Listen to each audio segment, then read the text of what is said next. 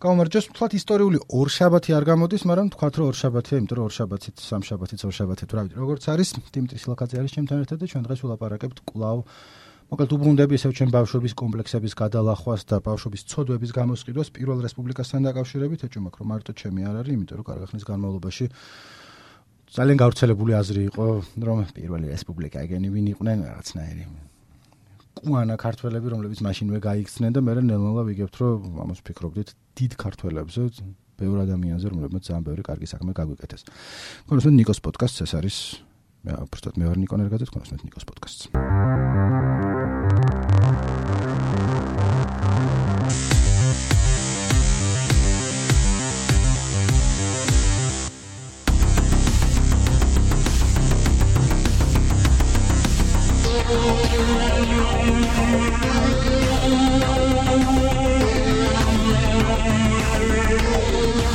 Thank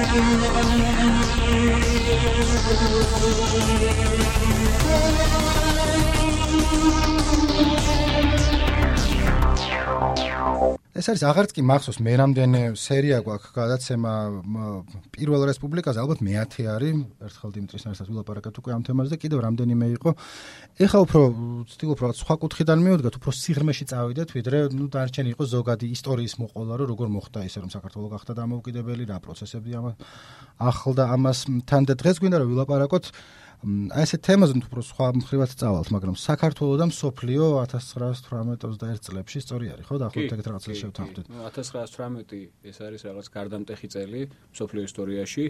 ამ წელს მთავრდება პირველი მსოფლიო ომი. ეს წელი ფაქტობრივად სათავეს უდებს იმპერიების დაშლას, ისეთი როგორც იყო მაგალითად რუსეთის იმპერია, 1917 წლიდან იწყება ეს პროცესი, მაგრამ ნუ 18 წელი მაინც რა ასეთი მიჯნა არის. ოსმალეთი, ავსტრია-უნგრეთი, გერმანია, ანუ დამარცხებული სახელმწიფოები და წარმოიქმნება ევროპის პოლიტიკურ პოლიტიკურ უკაზე პატარა სახელმწიფოები, რაც ცვლის ზოგადად ყოველდღიურ წესრიგს და ზოგადად იცვლება საერთაშორისო თამაშის წესები. და ეს ყველაფერი შემდეგ აისახა პარიზის საზავო კონფერენციაზე იმ სოფლიო წესრიგში, რომელიც პარიზის საზავო კონფერენციამ ასე ვთქვათ, ჩამოაყალიბა.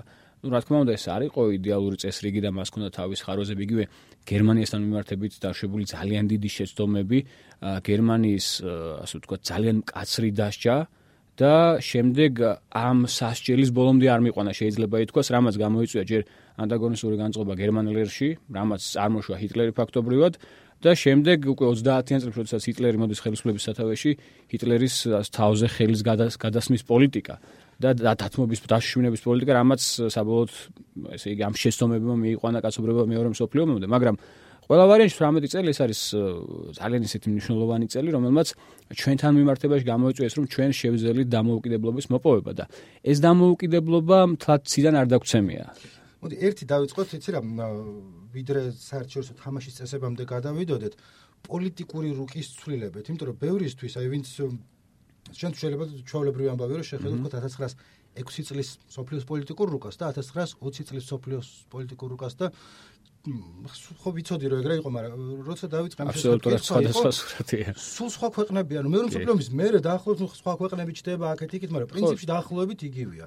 აქ გაკ რამდენიმე დიდი ლაკა, რუსეთის იმპერია, ოსმალეთის იმპერია, ავსტრია-უნგრეთი იქით და მე არის სულ სხვა მე არის აბსოლუტურად განსხვავებული ფერების ხო? ნუ დავწყოთ ოსმალეთის იმპერიით რომელიც ჩვენ ძალიან აი თუ არ თან ჩვენ გარშემო იყო და აი ჩვენზე როგორი გავლენა მოახდინა ოსმალეთის იმპერიის დაშლა რაღაცა აა ოსმალეთის სამისად საუბრის თემა ვიცი მაგრამ რა თქმა უნდა ოსმალეთის იმპერიის ზემოქმედება ჩვენზე ასე ვთქვა ძალიან მნიშვნელოვანი იყო თუნდაც იმ თვალსაზრისით რომ თუნდაც საქართველოს პოლიტიკურ წრეებში მე-20 საუკუნის დასაწყისში რომ ავტონომიის იდეა იყო გაბატონებული და არა დაუშვათ სრული დამოუკიდებლობის იდეა, ამის განმაპირობებელი ფაქტორი იყო ერთ-ერთი ფაქტორი იყო ოსმალეთი. რადგანაც ქართულ პოლიტიკურ წრეებში იყო იმის შიში, რომ ჩვენ თუ სრულ დამოუკიდებლობას მივიღებთ, მაგრამ ეს უტოპია იყო იმ დროინდელი გაგებით, იმიტომ რომ ესე იგი პატარა სახელმწიფოებს არავინ არ წყალობდა იმ პერიოდში, ხო? ნუ ერთი საშუალება იყო ის, რომ ჩვენ შეიძლება ჩაკლაპოს ოსმალეთმა. და ეს შეგაწყვეტინებ, ეგ შიში გამოყვა აქეთ 1999 წელს მახსოვს. მე ყოლაპარაკი იმაზე ჯერ კიდე საბჭოთა კავშირის დაშლის დროს რომ ჩემი პატარა ორი ყურით მომისმენე მაშინ პატარა ვიყავი რომ დამოუკიდებლობა მაშინვე თურქეთი ჩაკლაპავს როცა სულ სხვა რეალობაა რა თქმა უნდა ეს ხა ირაციონალური შიში იყო იყო 90-იან წლებში და დღეს მაგრამ რაციონალური იყო იმპერიის შესაძაც სულ სხვა მსოფლიო გვაქვს ხო? და მართლაც როდესაც 1918 წელს იმ დროინდელ ოსმალეთს შეექმნა შესაძლებლობა მან მართლაც სადა გარკვეული ქართული პროვინციების მიტაცება და მიიტაცა კიდევაც დროებით ეს ჩვენ ვიცით იგივე აჭარა, ახალციხე, ახალქალაქი და ნუ სხვა მიწები. და ეს შიში არსებობდა და ოსმალეთის იმპერიის ფაქტორი, ხო, მნიშვნელოვანი იყო. ისევე როგორც მისი ძლიერების, ისევე როგორც მისი სოფლიო ომში, ასე ვთქვათ, დაკავებული პოზიციის, ისე შემდეგ დაშლის. ოსმალეთის იმპერიის დაშლამ ჩვენ, ნუ ერთის მხრივ, ასე ვთქვათ, მოგვცა იმის საშუალება, რომ ახალციხე, ახალქალაქი არდაგანი დაგვებრუნებინა. და ნუ შემდეგ მომავალში ბათუმიც. შემდეგ ოსმალეთს ადგილას ყალიბდება ნუ თანამედროვე თურქეთი და ნუ თანამედროვე თურქეთთან საქართველოს თანამედროვე საქართველოს პოლიტიკურ რუკის ფორმირებაში თავისი მთავარი მიუძღვის საბჭოთა რუსეთს რომელმაც ჩვენ საერთოდ არაფერი არ ვკითხა ისე მოხდა გადანაწილება. ჯერ მოსკოვის ხელშეკრულებით შემდეგ ყარსის ხელშეკრულებით. ნუ მე 90-იან წლებში უკვე ეს ყარსის ხელშეკრულება უკვე რატიფიცირებული იქნა. დღეს მოქმედი ორი რესპუბლიკის თურქეთის და საქართველოს მიერ. ასე რომ ოსმალეთის ფაქტორი ძალიან მნიშვნელოვანი იყო. როგორც მისი ძლიერების პირველ მსოფლიო ომში რომელიც ფაქტორი და საფრთხის ფაქტორი იყო თუმცა მეორე მხრივ იყო ქართულთა ნაწილი ეს იყო ესე იგი ქართული კომიტეტი რომელიც დამოუკიდებლობის კომიტეტი რომელიც გერმანელებთან ერთად მუშაობდნენ და გერმანიის მოკავშირე იყო ოსმალეთის პირველ მსოფლიო ომში და ნუ მოკლედ იყო ქართულთა ერთი ჯგუფი რომელიც რომელიც ფიქრობდა რომ გერმანიის დახმარებით ჩვენ მოვიპოვებდით დამოუკიდებლობას და ოსმალეთის ამ დამოუკიდებლობას აღიარებდა. ამ ქართულ კომიტეტსა და ოსმალებს შორის იყო მსგავსი მოლაპარაკება, იყო მსგავსი საუბარი, მაგრამ როდესაც საქმე საქმეზე მიდგა 1918 წელს, ეს საუბარი საუბრად დარჩა, ეს ვითომ შეთანხმებები შეთანხმებებად დარჩა და ოსმალეთმა ცადა მაქსიმალური სარგებელი მიიღო კავკასიაში. თუმცა ამ დროს საინტერესოა, რომ გერმანია, რომელიც არის ოსმალეთის მოკავშირე, იკავებს პროკარტულ პოზიციას. ნუ ეხა ეს იმით არ იყო განპირობებული, რომ ქართველები ლამაზი ხალხი ვართ, ისა ვართ, ლამაზი მთები გვაქვს და ჩვენი თვალები, კეთილი თვალები და რაღაც უყვარს. ამით არ იყო ბუნებრივი განპირობებული. გერმანელებს ჰქონდათ თავისი ინტერესები, მაგრამ ეს იყო პატიოსანი თამაშის წესები. და ეხა რას ნიშნავს პატიოსანი თამაშის წესები? ნუ გერმანელების ინტერესი იყო ასეთი, ნუ თუმცა ეხა ისიც ისიც უნდა ითქვას, რომ გერმანიის ინტერესი არ იყო ესე იგი გერმანიის პოლიტიკურ წრეებში არ იყო ერთიანი პოზიცია. მაგალითად სამხედროები ლუდენდორფი, რომელიც ფაქტობრივად იყო პირველი კაცი 1918 წლისთვის, მის მნიშვნელოვანი იყო კავკასია, რადგანაც ის კავკასიაში ხედავდა პლაცდარმს ბრიტანეთის ესე იგი ახლო აღმოსავლეთში და არა მხოლოდ ახლო აღმოსავლეთში, არამედ ინდოეთში ბრიტანეთის ინტერესების საწინააღმდეგო პლაცდარმს. ერთი ეს, მეორე გერმანელები შექმნიდნენ გაწვრთნილ ქართულ არმიას, რომელიც იქნებოდა მათი მოკავშირე. და მესამე კავკასიის ესე იგი სასარგებლო წიაღისეული. იქნებოდა ბაქოს ნავთობი, იქნებოდა ეს ჭიათურის ესე იგი მანგანუმი თუ ტყიბულის ქვანახშირი და ეს მაშინ მნიშვნელოვანი რესურსი იყო განსხვავებით დღევანდელი მსოფლიოსაგან თან საკმაოდ დიდი პროცენტული წილი მოდიოდა ჩვენ ბუნებრივ წიაღისეულზე ამ წიაღისეულის. და ასე რომ მათ ეს ინტერესები ქონდათ მაგრამ პატიოსანი თამაშის წესები რას ნიშნავს? პატიოსანი თამაშის წესები ნიშნავს იმას, რომ გერმანია იღებდა ჩვენ მოკავშირე ჩვენ მოკავშირეობას და ჩვენ უსაფრთხოებას იღებდა საკუთარ თავზე, სამაგიეროდ ის არანაირად არ ჩაერევდა ჩვენ შიდა პოლიტიკაში. ნუ, ეხლა მოდი მაგალითი გავაკეთოთ, ხო? რუსეთი. ფაქტობრივად თითქმის იგივე იყო გეორგიევსკის ტრაქტატი, ხო? ნუ გეორგიევსკის ტრაქტატი ნუ ცოტა მეტი უფლება ჰქონდა რუსეთს, ვიდრე დაუშვათ ჩვენ და გერმანელებს შორის დადებული ფლოტის შეთანხმებით. მაგრამ რუსეთს არ ქონდა შიდა საქმეებში ჩარევის უფლება, რაც მან დაარღვია. ხო, გეორგიოს ტრაქტატი დაარღვია, თუნდაც გეორგი მე-12-ის სათხოვარი პუნქტების დაარღვია, სოლომონთან დადებული ელაზნაურის ტრაქტატი დაარღვია, აი ეს არის უკვე არაპატიოსანი თამაშის წესები, თორე ნუ ყოველას თავის ინტერესები გააჩნია, ეხლა სახელმწიფოები ძმები და დები არ არიან, რომ რაღაც ესე იგი რაღაც ჰუმანური და რაღაც ესეთი იმიდან გამომდინარე. მაშინ, როდესაც რაც უფრო გეორგიესკვისგან მივიდივარ და სუვერენიტეტის ცნება მთლად ეგრე არ არსებობს. ხო და მით უმეტეს რომ რაღაც თვით გამორკვევის უფლება და რაღაც დღეს ჩვენთვის ორჯერ ორი 4-ია რომ ეს ჩვენი უფლება მაშინ იყო რასისულელია პოლონეთში მეფე მოკვდა და მოდი დავიტაცოთ არის რა თქმა უნდა ნუ სხვა გაგება არის საერთოდ ნაციონალიზმის თვითგამორკვევის სხვა გაგება და მე-18-ში სხვა გაგება მე-19-ში სხვა გაგება მე-20 წელს სხვა გაგება და პირველი მსოფლიო ომის შემდეგ სხვა გაგება ჩამოყალიბდა და ჩვენ საკმაოდ ცოდავთ ხომ როდესაც დღევანდელი გაგებიდან ვაფასებთ ხო? აი ხა აი უხეშად რომ თქვათ ხო აი დღეს დაუშვათ რომ გამოვიდეს ერთი ადამიანი და თქვას რომ ჩვენ ვიყოთ რუსეთის შემადგენლობაში და მივიღოთ ავტონომია ხო ნუ რა თქმა უნდა ეხა ეს ადამიანი ჩვენც იქნება ნომერ პირველი მტერი ხო მაგრამ ერთი საუკუნის წინ სხვა რეალობა იყო და იმერთ საუკუნის წინ სხვა რეალობაში, ხო? იგივე ილია ჩავჭავაძე და იგივე სხვები და სხვები ამას ამბობდნენ, იმიტომ რომ სხვა რეალობა იყო და არა იმიტომ რომ მათ ესე იგი ქართველერის რაღაც დამოუკიდებლობა, რაღაც განვითარება თავისი გზით წასვლა არ სურდა. თუ ანუ სხვა რეალობაა და ამ შემთხვევაში პატიოსანი თამაშის წესები იყო ის, რომ გერმანიამ როდესაც თქვა, რომ მე თქვენში და პოლიტიკაში არ ჩავერევი, ეს ბოლომდე გაიტანა გერმანიამ. იგივე ეს კრესენშტაინი, ვინც იყო ფონ კრესენშტაინი გენერალი, ვინც იყო გერმანული სამხედრო პოლიტიკური მისიის ხელმძღვანელი კავკასიაში. ის იხსენებს, რომ მასთან მიდიოდნენ ოპოზიციური პარტიის წარმომადგენელთა ნაწილი და თხოვდნენ რომ გერმანული ძალები დაემხოთ ხელისუფლება და ისინი მოიყვანათ ხელისუფლების სათავეში. ნუ ეხა ამას იმიტომ ეუბნებოდნენ, რომ ესენიო სოციალისტები არიანო და ეს თქვენო ეხა სოციალისტებიო ხო არ გიყვართო და ჩვენო არა ვართ სოციალისტებიო, ერთადერთი ცოტა ისე ძლიერი პარტია ვართ, ვინც სოციალისტები არა ვართო და დაგვეხმარეთ რა დავამხოთ ესენიო და ჩვენ ვიქნებით ხელისუფლებაშიო რა, ჩვენ უფრო გავუგებთ ერთმანეთსო, მაგრამ კრესენშტაინი მოკლედ ამ აბეზარ ხალხს იშორებდა, რომ არა მე თქვენში და საქმეებში ვერ და არ ჩავერევი. დიმიტრი, მოდი ორი ნაბიჯით უკან დავიხიოთ და გერმანელებზე როგორ გავედით უხეშად რა ვთქვა? ანუ პირველი მსოფლიო ომი ჩვენ ვართ რუსეთის ნაწილი რომელიც გერმანიის მტერია. ერთ-ერთი ამ შემთხვევაში ამ შემთხვევაში რა ვთქვა? გერმანიასთან რა კი ბატონო ამ შემთხვევაში ძალიან დიდი როლი ითამაშა იმ საქართველოს დამოუკიდებლობის კომიტეტმა ეს მაჩაბელი კერესელიც და ესენი ესენი რომლებიც პირველი მსოფლიო ომის დაწყებიდანვე მუშაობდნენ გერმანელთა მხარდამხარ, აი მიხაკო წერეთელიც იყო იქით მხარეს და ანუ ესე იგი ისინი ფიქრობდნენ რომ გერმანიის მხარდაჭერით გაათავისუფლებდნენ საქართველოს და ისინი ამ თემაზე მუშაობდნენ მთელი პირველი მსოფლიო ომი. რომელ წელს დაიწყო? უკვე რევოლუციის მერე რუსეთში თუ მანამდეც რაღაცა? არა, არა, პირველი მსოფლიო ომის პერიოდში სულ მიმდინარეობდა ეს სამუშაოები. ქართული ლეგიონით შეიქმნა, რომელიც თურქეთის ტერიტორიაზე ჩამოყალიბდა, ნუ ქართველი ტყვეები მცირე რაოდენობით იყვნენ და უფრო თურქეთის ტერიტორიაზე მცხოვრები ეთნიკური ქართველები, ლაზები ამავდროულად და ანუ ეს ხალხი მუშაობდა გერმანელებთან და კონდათ იმედი რომ გერმანიის ხარდაჭერით გაათავისუფლებდნენ საქართველოს. თუმცა რასაკეთებდა цаრისტული რეჟიმი და ოხრან, ანუ ძალიან კაია რომ არიან, მაგრამ რა რას ნიკეთებდნენ? ხო, ხო, მაგრამ ეს ხალხი რუსეთში კი აღარ არის ამ პერიოდში.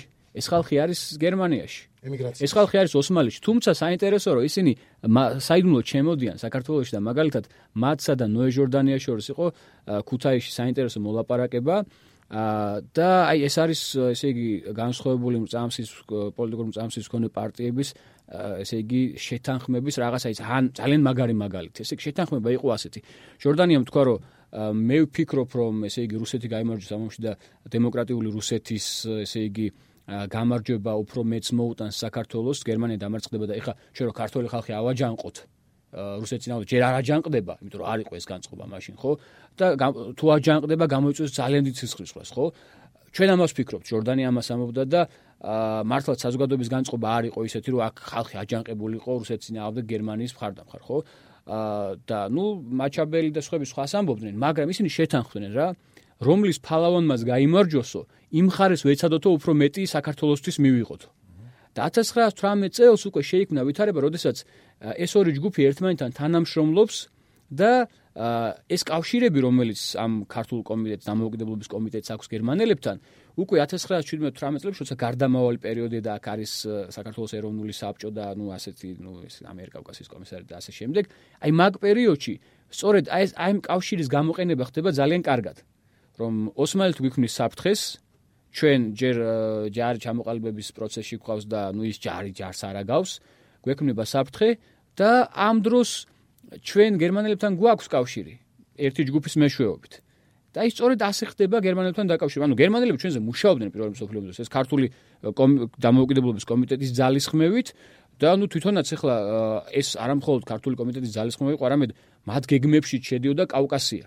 ხო ეს არ იყო დაუშვათ აბსოლუტურად აბსოლუტური შეთანხმება გერმანულ გერმანულ პოლიტიკურ ძალებში რომ კავკასია მნიშვნელოვანი საინტერესოა მაგრამ ну რაღაც ძალა თვლიდა რომ კავკასია მნიშვნელოვანი და საინტერესოა. გერმანელები ფულს ხარჯავდნენ ამ თუნდაც პროპაგანდაზე თუნდაც იმ ქართული ლეგიონის ჩამოყალიბებაზე თუნდაც ამ გეგმების განხილვაზე ხო და 1918 წელს იმ კონკრეტულ პერიოდში ლუდენდორფმა, რომელიც იყო რეალურად პირველი კაცი და ნუ სამხედრო სტრუქტურას ედგა სათავეში, მან ჩათვალა რომ კავკასია იყო საჭირო.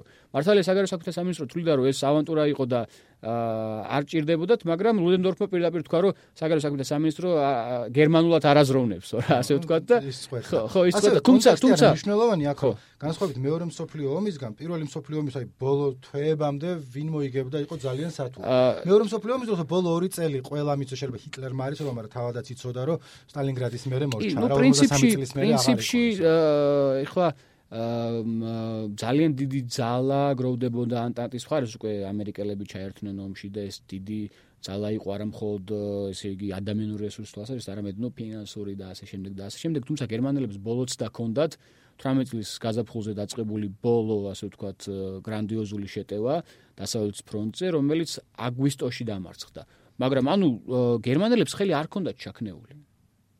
არც გადაწყვეტილი არ იყო ანუ არა ნუ შეიძლება ეხა დღევანდელი გადასახედიდან თქვათ რომ რესურსები წვეთდა უკვე ყველაფერს მაგრამ ნუ ბოლო ანუ თვითონ გერმანელებს ქონდა ჯერ კიდევ რწმენა ომის მოგებისა და ნუ ბოლომცდელობა ქონდა. თუმცა ნუ ეს ბოლომცდელობა წარუმატებელი გამოდგა იქ ხა გერმანიის მოკავშირეები ომს ომზე აგებდნენ ის მოკავშირეები ხშირად უფრო ტვირთი იყო გერმანიის ვიდრე რეალური მხარდაჭერა იმიტომ რომ ესე იგი ამ ცენტრალურ სახელმწიფოთა ჯგუფში რეალურად 90%-ს და მეტ ძალას წარმოადგენდა გერმანია. ერთი პოეტური გადახვევასავით რახან გარშემოამაზე ლაპარაკობ, ჩემთვის პირველ რიგში რაც იცი ბავშვობიდან, მაგრამ არ გაგიმახვილებია ყურადღება, ძალიან პოეტურად მეჩვენა, რომ ოსმალეთის იმპერია და ავსტრია-უნგრეთის იმპერია ხელჩაკიდებული ჩაიძირნენ მაშინ, როდესაც ყოველთვის, რა თქვა, ოსმალეთი იყო მთავარი მტერი ჰაბსბურგების და ერთ-ერთი მთავარი ისიც ევროპის ისტორიაში, ალბათ სოფლიო ისტორიაში ვენის ალყა, როდესაც ოსმალები ჩავიდნენ, ერთ-ერთი გადამწყვეტი მომენტია და ნუ ხო ჰაბსბურგები იყვნენ ისინიც და ბოლოში ერთად გვერდიგვერდ დაუძინებელი მტრების საუკუნეების განმავლობაში. რას გაუგებ ახლა სოფლიოში ესე იგი არსებულ უცლებს ნუ საფრანგეთი და ინგლისის მტრობაც ხო ნუ საუკუნოვანი მტრობა და ნუ მე გადაიზარდა გულიცად კავშირში ანდანტაში ხო და ნუ ინტერესები ინტერესთა თანხwebdriver არის ყველაფერი ფაქტობრივად ხა მათ ინტერესი ქონდათ საერთოდ და არა რაღაც ერთმანეთის რაღაც დიდი სიყვარული. ერთი კიდე მომენტი რა ხარ მან წავედი რომ რამდენ ხანში მოხდა ჩვენი გადაწყობა გერმანიიდან ინგლისზე, იმიტომ რომ ასე ვთქვათ გერმანიის და იმ გვამი არ იყო გაციებული, როდესაც უკვე ჩვენ კარგად ვართ ინგლისთან. რამე ეს მომენტი არის, რა თქვა, აქამდე გერმანელებს უჭერდით ხარს და ეხლა აა ვერ ვიტყვით რომ თავიდანვე ყველაფერი კარგად იყო, ну ბრიტანეთშიც არ იყო ჩვენ და მე ერთიანი პოზიცია. აღმოსავლეთის კომიტეტი და მე ნუ საგარეო საქმეთა ministri კერზონი და მისი ჯგუფი, ესე იგი, კავკასიური პოლიტიკის მომხრე იყო, მაშინ როდესაც სამხედროები პირიქით. არ იყვნენ კავკასიური პოლიტიკის მომხრენი, იქ ჩერჩილი, იქ ჰენრი უილსონი, ვინც იყო გენერალური штаბის მეტაური და პოლიტიკის ჩამოყალიბებული ძლიერი ფიგურა იყო, მოკლედ ეს პიროვნება არ იყო ასე ვთქვათ ერთიანი პოზიცია. თუმცა ჩვენი გერმანელებთან მოკავშირეობა მე ვიტყვი რომ მთლიანობაში სწორად იქნა ბრიტანელების მხრიდან აღქმული, რომ ეს იყო ჩაძირვის ესე იგი პირას მყოფი ადამიანისათვის გადაგდებული სამაშველო აა რა ქვია ეს რგოლი. რომელსაც ჩვენ მოვეჭიდეთ. ჩვენი ასე ვთქვათ დანაშაული ბრიტანელთა წინაშე ხო რაღაცა ის სისხლის დაღვრაში და არაფერში არ გადაზრდილა ხო? რეალურად ჩვენ გადავირჩინეთ ამით თავი ხო? და თან მართალი ხარ მეც ახლა მეორე მსოფლიო ომის ჩრდილიდან ფიქრობდი რომ მაშინ განსხვავება იყო ვთქვათ იდეოლოგიას არ ყიდულობ გერმანიისგან ნაციზმს არ იღებ ებრაელებს არ ხოცავენ რაღაცა ხო არა ნუ მსგავსი მსგავსი მსგავსი თემები ხა არ არსებობს მაშინ.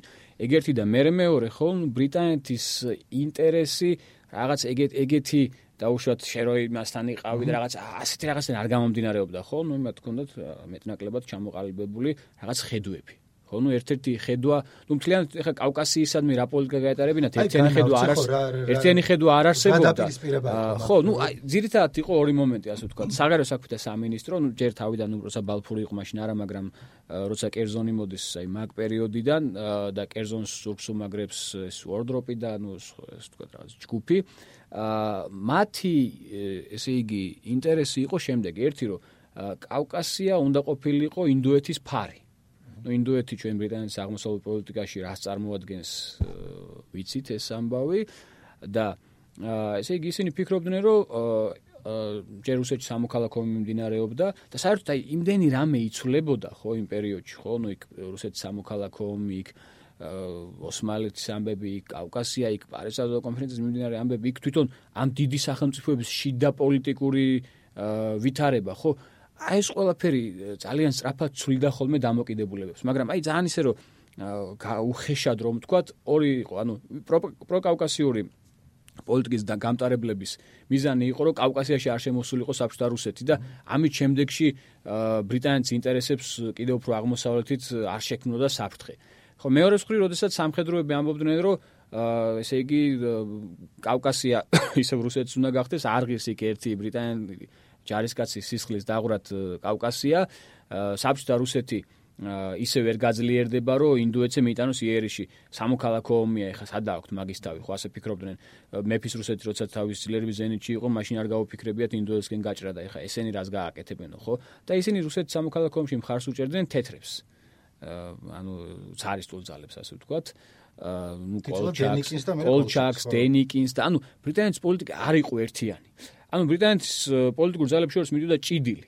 და ამ ჭიდილის შედეგს განაპირობებდა ხშირად აქ მომხდარი ამბები და ეხა რა მაქვს მხედველობაში მაგალითად 1920 წლის აპრილში უკვე გადაწყდა რომ ბრიტანეთი კავკასიაზე ხელს იღებს. ნუ 1919 წელსაც ნაწილობრივ გადაწყდა, როდესაც ბრიტანელებმა კავკასიიდან ჯარი გაიყვანეს და მხოლოდ დატოვეს ბათუმში აა ესე იგი ერთი ბრიგადა, მაგრამ სანამ აქ იყო ბრიტანული ჯარი მაინც ბათუმში, ეს მაინც რაღაც რაღაც ესე იგი რაღაც გარანტია იყო პლუს ამას კარგად მუშაობდა ბრიტანეთის უმაღლესი კომისარი კავკასიაში ოლივერ უორდროპი რომელიც რეალურად იმათ წარმომადგენელიც იყო ჩვენთან და ჩვენი წარმომადგენელიც იყო იქით რა ნუ ეხა ამ კაცზე ჩვენიანი იყო? ჩვენი ჩვენიანი იყო და ის თავის პირად წერილში ცოლს წერდა 1920 წლის 10 იანვარს როცა დე ფაქტოდ აღიარეს საქართველოს ბრიტანეთმა და სხვა დიდმა სახელმწიფოებმა ჩემი ცხოვრების უბედნიერეს დღეა. ნუ რაზე ასაუბარი ხო მოკლედ და ანუ ჯერ კიდე ასე ვთქვათ ეს პროკავკასიური ძალები ხო აწვებოდნენ ასე ვთქვათ თავის ესე იგი პოლიტიკას 1920 წლის დასაწყისში ბრიტანეთის მინისტრთა კაბინეტმა სამდღიანი განხილვა მოაწყო. საქართველოს საკითხის აქ შემოეყვანათ ისევ ჯარი და დაეცვათ თუ არა. ძალიან ბევრი ძლიერი პოლიტიკოსი დადგა პროკარტულ პოზიციაზე მაგრამ ვერავინ ვერ გადაწონა ჰენრი უილსონის პოზიცია რომელმაც გაიტანა თავისი რომ იტყვიან და კავკასიაში ჯარები შემოყვანეს უარ თქო მაგრამ ამავე დროს გადაწყდა რომ იარაღს მოგცემდნენ ანუ ჩვენ ვითხოვდით რომ მოგვეცით იარაღი, ჩვენ გვაქვს ადამიანური რესურსი, რომ შევქმნათ ისეთი ჯარი, რომელიც დაიცავს კავკასიას. მაგრამ არა გვაქვს იარაღი, არა გვაქვს ფული, ნუ არა გვაქვს კიდე სხვა რაღაცეები და ამაში დაგვეხმარეთ და ეს გადაწყვეტილება მიიღეს. მაგრამ ამ გადაწყვეტილების აღსრულება დაევალა იმ ძალას, ანუ სამხედროებს, რომელთაც ამის ინტერესი არ გააჩნდათ. მე ნუ გაიწელა პროცესი, აბა რა იარაღი გინდათ, როგორ გინდათ ჩვენ ჩამოვალთ ჩვენ თვითონ ესე იგი აღრიცხავთ არა და ესე იგი მაგ გადაწყვეტილებამდე უამრავჯერ იყო საქართველოსთან გაგზავნილი ნუსხა რა გვჭირდება ანუ წარმოიდგინეთ ესე იგი არა მხოლოდ შაშხანებზე და ქვემეხებზეა საუბარი ლამის ესე იგი ფრენჩის ღილების ეს არის საუბარი ამაზე დეტალური იყო. მაგრამ ნუ გაწელეს ეს პროცესი. ამასობაში ამით ისარგებლეს ბოლშევიკებმა 1920 წლის აპრილში აპრილის ბოლოს დაიკავეს ბაქო და ნუ კავკასიის ბრიტანული კავკასიის იდეა ჩაიშალა. ჩაიშალა იმიტომ რომ თუ ფლობენ ბოლშევიკები საბჭოთა ნუ უკვე უკვე საბჭოთა აზერბაიჯანს მანამდე აზერბაიჯანს ფაქტობრივად კავკასიური პოლიტიკა მარცხდება და შემდეგ უკვე ბრიტანელები ბათუმიდანაც გადიან. თუმცა ბათუმიდან გასვლის გადაწყვეტილება მანამდეც იქნა მიღებული, მაგრამ კიდე კერძონი ცდილობს, რომ იქ ინტერნაციონალური ძალები მაინც შეინარჩუნოს. იარაღის გადმოცემაზე მიდის საუბარი, გადმოცემაზე მიდის საუბარი, კი გადაწყვეტილება მიღებული, უბრალოდ აი პროცესი იწელება. და ბაქოს პრობლემა ასევე აი თეთრების დახმარება რუსეთში, იმიტომ რომ რაც წამიკითხავს ხომ მე ძალიან ღრმად არ ვიცი, მაგრამ იქ კონდეთ პრობლემა ბრიტანეთსაც და სხვებს რომ არ იცოდნენ ვისთვის რამდენი იარაღი მიეცემთ რომ ვინ რას წარმოადგენდა ეცვლებოდათ მე ანუ ვთქვათ კოლჩაკ რაღაცას მიცემ და აღმოჩნდება მე კოლჩაკი დებილია რომ ვთქვათ რაღაც არაკეთებს იყო იყო იყო ამაზე იყო საუბარი მაგალითად სამხედროები სამხედროები კი სამხედროები ნუ ზოგადად ეგ ესე იგი ურთიერთობები ცალკე საინტერესო თემაა და პლუს ამას ის რომ ბრიტანეთს ყველა საყუდრობდა არა შენ იმისკენ ხარ არა შენ იმისკენ ხარ ნუ სომხები საყუდრობდნენ ქართველებისკენ ხარ ქართველები სომხებისკენ ხარ დენიკინი ქართველებისკენ ხარ ქართველები დენიკინის ნუ მოკლედ ეს ცალკე ცალკე საინტერესო თემაა და ჩვენ ნუ არასოდეს წარმოადგენა გვაქვს რომ აი მაგალითად ბრიტანელები სომხებს ეხმარებოდნენ და ჩვენ რა გვეხმარებოდნენ ნუ ასე შემდეგ იმიტომ რომ იქ ბევრი დეტალია რომლის ცოდნა საჭირო რომ ჩვენ ესე იგი პოზიცია გქონდეს ამაზე და ასე უნდა დავდოთ მაგრამ ადამიანური მომენტი ახლა რომ თვითონ ბრიტანეთსაც ადამიანებს აღარ უნდა ზამნი რაღაცა უნდა ეკეთებინა ბრიტანეთს ხო ბრიტანეთს უნდა სტაბილურობა აქ და ეხა არავის მხარეს არ იჭერდა ასე ვთქვათ ცდილობდა რომ რაღაც ნეიტრალური ყოფილიყო მაგრამ ეხა რაც შეეხება იარაღის მომენტს იდგა ეგ საკითხი მაგალითად სამხედროები აყენებდნენ საკითხს რომ აი დენიკინს მივეცით ამდენი არაღი, კოლჩაკს მივეცით ამდენი არაღი და მე სულ ბოლშევიკებმა ჩაიგდეს ხელში. ამ ქართველებს რომ მივეცეთ არაღი, მე რეგეც ხო ბოლშევიკებს დარჩებათ, ხო? რომ აი ვერ დაიცვან საკუთარ სახელმწიფო, მაგრამ ამაზე კონტრარგუმენტი იყო, რომ დენიკინმა და კოლჩაკმა იმდენი არაღი დაკარგეს, რომ მაგის მეოთხედი არ ჩრდებათ ქართველებს, ну თუ ეხლა შეიძლება რაოდენობას მე არასწორად ვამბობდი, მაგრამ აზრი იყო ეს, რომ ქართველებს არ ჭირდებათ მაგი არაღის მცირე ნაწილიც კი და ასე რომ იმ დანაკარგთან შედარებით რომს დაკარგონ ქართველებმა, არაფერი არ იქნებაო რა. რო გქონოდა ეგ იარაღი, ხა ვიცი რომ ისტორიკოსებისთვის რა მოხდებოდა არის სრულიად არასწორი, მაგრამ ამავე დროს ვიცი რომ ყველა ისტორიკოსი ამაზეც ლაპარაკობს ხოლმე. კი, იმიტომ რომ საინტერესოა მაინც ხო, რაც არ უნდა იყოს. რა გქონოდა იარაღი, მე რამდენ ხანს გავძლებდით თუ უფრო მეთხანს. მაგრამ 2 წელი, 3 წელი. ნუ მაგას ახლა ვერ ვიტყვით, არ ვიცით. ხო. ნუ უფრო მეტი იარაღი რო გქონოდა, მე რისი თქმა შემიძლია, ეს არის რომ 21 წელს თავს დავიცავდით. 21 წელს იმ კონკრეტულ თებერვალ მარტში. მე რა იქნებოდა? ნუ რა ვიცი ხა ვარაუდები შეიძლება რაღაც ვერსიები ჩამოვყაროთ რა. ასევე ერთ-ერთი რასაც ბრალად უყენებენ ხოლმე იმ დროინდელ პირველი რესპუბლიკის ხელისუფლებას არის სწორედ ეს იარაღის საკითხი და დათვლა იმისა რომ რამდენად სწორად მოხდა დემობილიზაცია, რამდენად ადეკვატურად იქნა გამოყენებული იარაღი და დიდი წილი ამ ბრალდებებისა მოდის თავად თავრობის აწუყა ყოფილი წევრებისგან, რომელიც მე ემიგრაციაში ერთმანეთს და რაც აქ სანი მუშოთ ერთმანეთის გვერდზე იდგნენ ოპოზიცია, მე დაჭამეს ერთმანეთს. ხო, თავრობის წევრები არა, უფრო მეტად ოპოზიციაზეა საუბარი. ხო, ну რაც შეეხება იარაღს, ესეც ერთ-ერთი გავრცელებული მითი იყო, რომ თითქოს არსენალი იყო გადატენილი, სავსე იყო და ჩვენ იმდენად ბედოვლათები ვიყავით, რომ არ ვიცოდით როგორ გამოგვეყენებინა. ну ძალიან ბევრი ადამიანი ახლა დღესაწყება რომ ბაბუა ჩემმა თქვა და იმის ბაბუამ თქვა რომ შემოვიდნენ რუსები გახსნეს არსენალი და იმდენი არაღი ეყარა და ну რა გითხოთ რამდენი? სამი ქვემეხი ხუთი ქვემეხი 15 შაშხანა? Ну მოკლედ ბევრი ბევრი რას ნიშნავს ხო ეგ? ბევრი არ არის ის რაოდენობა ის ის სიზუსტე რომელზეც შენ იტყვი რომ ამ ბევრი ან ცოტაა ხო? ну შეიძლება მართლაც რომ შემოვიდნენ გახსნეს არსენალი და განროლმა ვიღაც ცხოვრებმა ნახა რომ 50 წელი შაშხანა ეყარა მაგრამ რა არის 50 შაშხანა ხო? ეს არის ერთი საუბარი მაგრამ მეორეა დეტალურად აღნუსხული არამხოლოდ შაშხანების და ქვემეხების რაოდენობა არამედ ვაზნების რაოდენობაც კი რამდენი გქონდა და რამდენი გჭირდებოდა და ესე იგი დეფიციტი იყო კატასტროფული აქ არ არის საუბარი რაღაც ერთ დოკუმენტზე, ორ დოკუმენტზე. აქ არის აი უამრავ დოკუმენტს, რომელიც კომპლექსურად ავსებს ერთმანეთს და ფაქტობრივად ჩვენ ვაზნების ზონაზე შეგვიძლია დავითვალოთ, რომ რომელწას რამდენი ვაზნა გქონდა, როდის რამდენი გვეხარჯებოდა, რამდენი შაშხანა, ну მოკლედ ეს არის ასე ვთქვათ სრული აბსურდი თითქოს ჩვენ დიდი რაოდენობით იარაღი დაგვრჩა. არა, ჩვენ 1918 წელსაც კი ქონდა საშინელი დეფიციტი. და 1918 წლიდან იარაღი ტყვიაწამალი და ტყვიაწამალი ხარჯებოდა. იარაღი ფუჭდებოდა და უფრო და უფრო კატასტროფული მდგომარეობა იყო. ხო, აი 1920 წლის დასაწყისში იყო დარჩენილი 2 მილიონი ნახევარი ვაზნა, როდესაც ჩვენ არმიას მობილიზაციის შემთხვევაში ჭირდებოდა 100 მილიონი.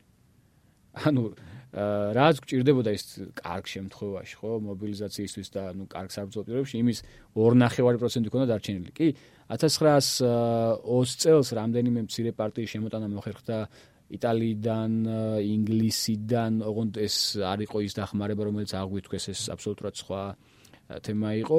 საფრანგეთიდან პლუს ამას კუსტარულად აქ იტენებოდა ვაზნები. აი ეს რაოდენობა ავიდა სადღაც 20-25 მილიონ ვაზნაზე და ეს იყო საჭიროების 25%. ხო, ანუ ხედავთ როგორი როგორი ეს არის, რა ქვია, დეფიციტი. ნუ მეორეა საყვედურობენ, რომ აი რატო არ შეიძინეს, ხო? კონსტანტინოპოლში, ნუ სტამბულს ხო იმ პერიოდში რაც მოკლედ პერიოდი კონსტანტინოპოლი ერქვა ხო? კონსტანტინოპოლში ეყარა იარაღი ყოფილიყო ისა რა ქვია დენიკინის და რანგელის იარაღი ეყარა, უბრალოდ ხელის მოკიდება ჭირდებოდა წამოღება, ხო? ნუ ესეც არის არასერიოზული, იმიტომ რომ ესე იგი დეტალურად არის ჩვენ ბრიტანულ, ფრანგულ არქივებში მოლაპარაკებების დეტალები, როგორ მიდის მოლაპარაკება თითოეულ, ესე იგი, იარაღზე, იქ რა პოლიტიკური მომენტები არის, რომელიც განაპირობებს ზოგჯერ თანხმობას და თანხმობის მერე უარს. და მოკლედ მთელი ამბები ეს მთელი პროცესი ესე იგი ჩვენი დიპლომატიური მისიები ჩვენი დამოუკიდებლობის აღიარებასთან ერთად ჩვენი უსაფრთხოების აქტს აყენებდნენ ეს უსაფრთხოების აქტი შედგებოდა ორი ნაწილისაგან. ან თქვენ დაგვიცავით ან მოგვეცით იარაღი. აქ მოგვეცით ყოველთვის ჩუქებას კი არ იყო საუბარი. აქ იყო რაღაც იაფიანი კრედიტი მოგვეცით ან მოგყიდეთ და დღეს დღესაც ფორსტები მაშინ ბიუჯეტის მეოთხედი თავდაცვაზე მედიოდა მეოთხედზე მეტი. მეოთხედზე მეტი რაც არის წარმოუდგენელი 30% ერთ წელიწადს 36% მეორე წელიწადს და მესამე წელიწადს დაგეგმილი იყო 21% სამხედრო სამინისტროსთვის მაგრამ მომარაგების სამინისტროს გადაეცემოდა 30%-ზე მეტი და მომარაგების სამინისტრო თავის ნახევარს ახმარდა სამხედრო სამინისტროს ეს არის პოსტ ნაომარ ქვეყანაში ანუ პირველი მსოფლიო ომის მერე რომელიც ნუ შეა უბრალოდ ხეპურის ფული არ აქვს ალბათ ბეს ასევე არ ვიცი რამდენად შენი სპეციალობა ვიცი რომ სამხედრო კაცი ხარ ასე ვთქვათ მაგრამ ერთი რაც წამიკითხავს იყო ის რომ მაშინდელი პირველი რესპუბლიკის უპირატესობა ძირითადად აი შეწერათ მოკლედ რომ მიწის საკითხი გადაწყვიტეს კარგად. მიწის საკითხი იყო საკითხი რომელზეც წაიმტრია რუსეთმა მაგის ნუ რევოლუციები მოხდა მაგის გამო და ბოლომდე დენიკინის დამარცხება ასეც იყო. კი, ნუ მიწა იყო გლეხის პირველი მოთხოვნა. მიწა მიწა იყო გადასანაწილებელი. თან ისე რომ ფლობელისთვის წაგერთმია და თან როგორ ვქენით? ანუ ვიცი რომ რაღაცნაირად გადავჭერით, მაგრამ ნუ რაღაცნაირად გადავჭერით. ნუ საქმე რაში იყო ეხა? კი 1860-იან წლებში რუსეთის იმპერიაში ფეოდალიზმი გაუქმდა, მაგრამ ყველაზე მთავარი იყო მიწის საკითხი, ხო? ესე იგი მიწაგლეხებს უნდა გამოესყიდათ, ну ზოგან სხვანაირი პირობებით, ზოგან სხვანაირი პირობებით, ანუ მთელ იმპერიაში ერთი ასე ვთქვათ წესით არ გატარებულა ეს რეფორმა. აა და 1918 წელსა 17-18 წლებში, ანუ ნახევარი საუკუნეა გასული ფეოდალიზმის გაუქმებიდან, ხო? რეალურად არიან გლეხები, რომელთაც მიწა არ აქვს და ნუ გლეხი რა გლეხია მიწა თუ არ აქვს. ხო, ნუ გამოდის მაშინ ასე ვთქვათ, კი ის მის ბატონის ყმა აღარ არის, ანუ უფლებრივად არ ქვია, მაგრამ ესე იგი სოციალ-ეკონომიკურად არის დაქვემდებარებული ამ ადამიანს. ხო და ეს იყო ეს იყო პირველი მოთხოვნა და სხვათა შორის 1917-18 წლებში ბოლშევიკები აქ თუ რამეზე აპელირებდნენ და თუ რამეზე შეეძლოთ მხარდაჭერა მოეპოვებინათ მოსახლეობაში, იყო რომ აი აბა მიწა სადა გაქვთ, მიწა სადა გაქვთ, მაგრამ ნუ გატარდა ეს რეფორმა და ძალიან ის ძალიან ესე იგი იაფიანი კრედიტით შეეძლოთ გამოესყიდათ მიწები გლეხებს, ну ეს იმდენად იაფიანი კრედიტი იყო, ფაქტობრივად ნაჩქარი იყო, ასე ვთქვათ, ეს მიწები და ყოფილ მემამულეებს დარჩათ ზუსტი ესე იგი 10-12 ჰექტარი თუ სწორად მახსოვს შეიძლება მეშლება. ძინაუნდობა თავადაზნაურობისგან მაინდა-მაინც არ ყოფილა როგორც ვიცი. ხო, ну მაინდა-მაინც კარგად არ შეხვედრიან ამ ამბავს, მაგრამ ეს იმდენად დიდი მოთხოვნა იყო საზოგადოების მხრიდან. რომ ვერ შეეწინააღმდნენ ასე ვთქვათ, თან იცოდნენ რომ ხელისუფლება ხელისუფლებისათვის ეს პრიორიტეტული იყო და ხელისუფლება სარგებლობდა მოსახლეობაში ძალიან დიდი მხარდაჭერით. თვითონ ოპოზიციური პარტიებიც კი ამბობდნენ რომ ერთადერთი რეალური ძალა რომელსაც შეუძლია უხელმძღვანელოს რესპუბლიკას დღეს არის ის ძალა რომელიც ქვეყანას მართავს. ხო მიხედავთ იმისა რომ ოპოზიციის ერთი ნაწილი ცდილობდა გერმანელების დახმარებით თვითონ მოსულ ხელისუფლებაში, მაგრამ თვითონვე აღიარებდნენ რომ ერთადერთი მწყობრი ძალა, რომელსაც ნუ კი არ ეთანხმებოდნენ ბევრამეში, მაგრამ აღიარებდნენ, რომ ის ის იყო ძალა, რომელსაც შეეძლო სახელმწიფო ემართა იმპერიოდში და სხვა არცერთ პარტიას მაგის თავი არ ქონდა იმ დროს, ხო? ხო და ასე რომ ეს საზოგადოებაში ეს მოთხოვნა იყო ერთ-ერთი ნომერ პირველი მოთხოვნა და ნუ საზოგადოებაში როდეს რაღაც ნომერ პირველი მოთხოვნა იქ ძალიან ძნელია, თან თუ ამას ემთხვევა ესე იგი თავრობის ნუ ისე პოლიტიკოსების ნება თუ ემთხვევა ამას ძნელი ამაში ეწინააღმდეგო ხო? ნუ ძალიან ბევრმა ალბათ ასე ვთქვათ ესე იგი მძიმედ გადაიტანა ეს მაგრამ ნუ ვერაფერი ვერ თქვა ხო? ნუ ზოგს ხონა რა ასე იმ დროს ციგნებს თუ ესეთი შთაბეჭდილება შეება არ ვიცი რამდენად სწორია რომ რუსეთის გლეხობა ზოგადად იყო გაცილებით უფრო ბნელი ვიდრე ჩვენ. რას გულისხმობ რა თქვა? გორკის რო წაიკითხა რაღაცა იქ რო თან დიდი ქვეყანაა უფრო იქ რთულია განათან თან მრავალი საუკუნის განმავლობაში თავისი წესები აქვს თქვა რუსის გლეხებს ყოველას ერთნაირად უნდა ცმოდა და ერთი ვარცხნილობა ქონოდა და ფოტოში რო შეხედა ვერ გაარჩევ რომელი რომელია და ჩვენთანაც ახლა ნუ გაუნათლებელი ადამიანი რომელსაც ყველაზე ხელი არ მიუწვდება ასევე გაუნათლებელია მაგრამ ხალხოსნობამ და ცოტა რაღაც ლიტერატურა მეტი ისახნა ხო ანუ უფრო ნაკლებად რეზისტენტულები იყვნენ თუ ცვლილებისკენ არ ვიცი ხა ეგ იოლის სათქმელი არ არის ეგ იმიტომ რომ წერაკითხვის ესე იგი გავრცელების დონე რუსეთის ცენტრალურ გუბერნიებში უფრო მეტი იყო ვიდრე დაუშვათ კავკასიაში და მათ შორის საქართველოში. ა მაგრამ ნუ მაგ ფაქტორს მაგას ალბათ ის ანუ განაპირობებდა ალბათ თუნდაც ის წინარე პერიოდის შუა საუკუნეების პერიოდი აქ არსებული და რუსეთში არსებული აა ნუ ცოტა მონოგრაფიის საკითხი კი ცოტა ცოტა რთული რთული სათქმელია. თან ახლა სივრცეების განაპირობებს ხო მაგ ყველაფერს.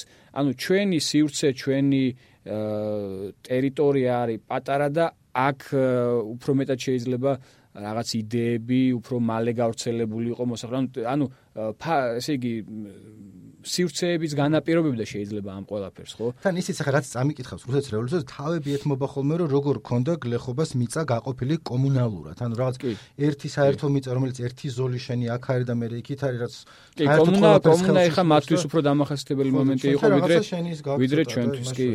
კი, ავიცი მე ხა გეც, მაგრამ რამდენი რაღაცაა რაც მანდ კიდე. კი, თუმცა ანუ ანუ თლიანობაში ესე იგი ჩვენ ჩვენთან იმ ხალხს, ვინც სკულტრეგერულ მუშაობას ეწეოდა, შედარებით მცირე ავტორია ყავდა გასანათლებელი, ასე ვთქვათ და ნუ მცირე ავტორის განათლება ალბათ უფრო მარტივია ვიდრე რაღაც დიდი მასების, ხო? ინგლისი, ოსმალეთი, რუსეთი მეტაკლებად ვახსენეთ, საფრანგეთი და ამერიკა მაგ დროს არ არიან მოთამაშეები საერთოდ და სახსენ თუ რაღაც სახს ამერიკა მესმის როლს შორს არის და ამერიკა შორს არის ამერიკას ნუ უბრალოდ ვუდრო ვილსონს რომელიც ჰუმანისტი იყო და ასე ვთქვათ და ანუ კარგი იდეები ქონდა მას ქონდა სურვილი რომ სომხეთზე აიღო ამერიკას მანდატი სომეხთა საკითხი პოპულარული იყო გამომდინარე იმ იმ იმ ასე ვთქვათ ტრაგედიიდან რაც მათ გადახდათ პირველი მსოფლიო ომის პერიოდში და ქონდა სურვილი ესე იგი უდრო ვილსონს რომ ამერიკას აიღო სომხეთის მანდატი საკუთარ თავზე რაც გულისხმობდა სომხეთის დაცვა, სომხეთის დიდი მიწების მიცემას, მის სახელმწიფოების ხელშეწყობას და ასე შემდეგ და ასე შემდეგ, მაგრამ